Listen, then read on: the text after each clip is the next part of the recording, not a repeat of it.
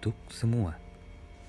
Hai, ketemu lagi di jurnal audio saya episode 8. Harapan saya dengan memulai podcast ini, setiap episode yang saya bagikan bisa membawa inspirasi untuk harimu. Juga membuka sudut pandang baru dan tentu saja membawa senyum di bibirmu.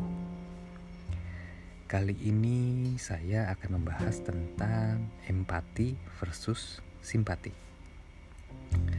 Menurut kamu sama atau berbeda? Jujur saja, sebelumnya saya menganggap keduanya mirip.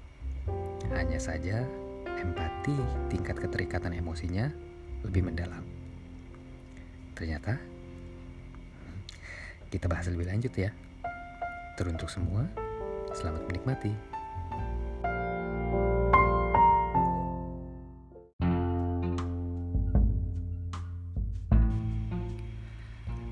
Tidak terasa, situasi pandemi sudah berjalan kurang lebih selama 8 bulan.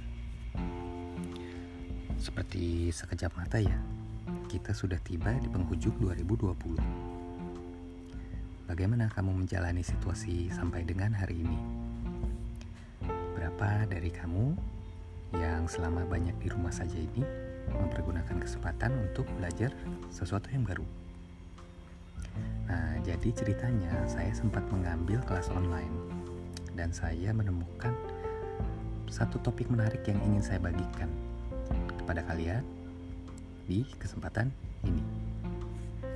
Oke, seperti yang tadi saya sudah uh, sampaikan di awal, empati versus simpati adalah seorang dokter Brené Brown, uh, preset, profesor, pengajar, juga penulis buku Daring Greatly, How the Courage to be Vulnerable Transform the Way We Live, Love, Parent, and Lead. Brunei menyampaikan, empati menghasilkan koneksi, sedangkan simpati justru mendorong diskoneksi. Kok bisa ya? Sepertinya simpati itu suatu tindakan yang positif kan? Nah, dia menjelaskan lebih lanjut nih. Empathy is feeling with you. Sympathy is feeling for you. Ternyata cukup jauh ya perbedaannya. Jadi, empati adalah sikap menempatkan diri kita dalam posisi orang lain dan turut merasa yang ia rasa. Sedangkan simpati cenderung kepada iba dan merasa kasihan akan situasi seseorang.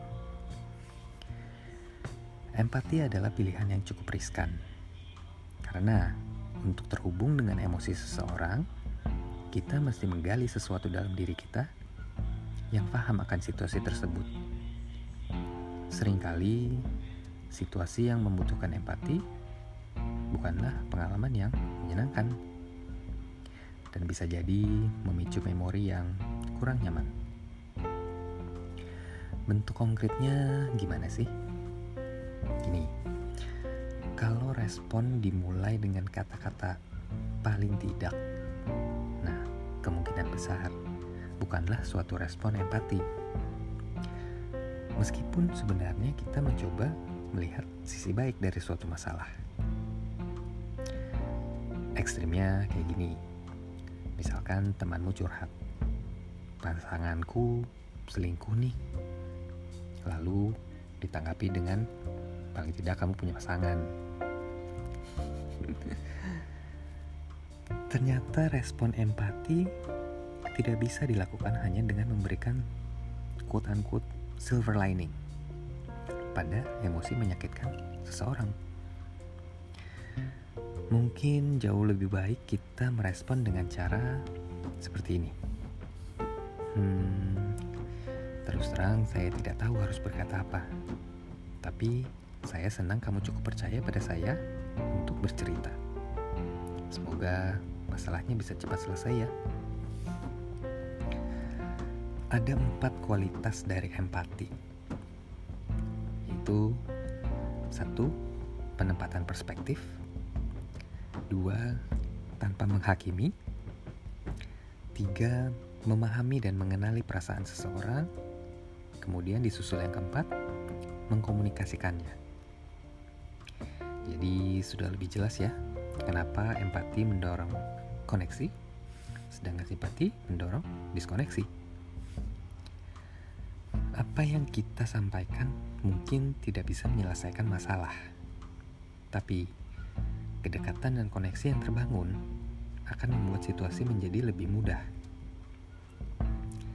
So, tetap berempati ya, dan bahagia selalu.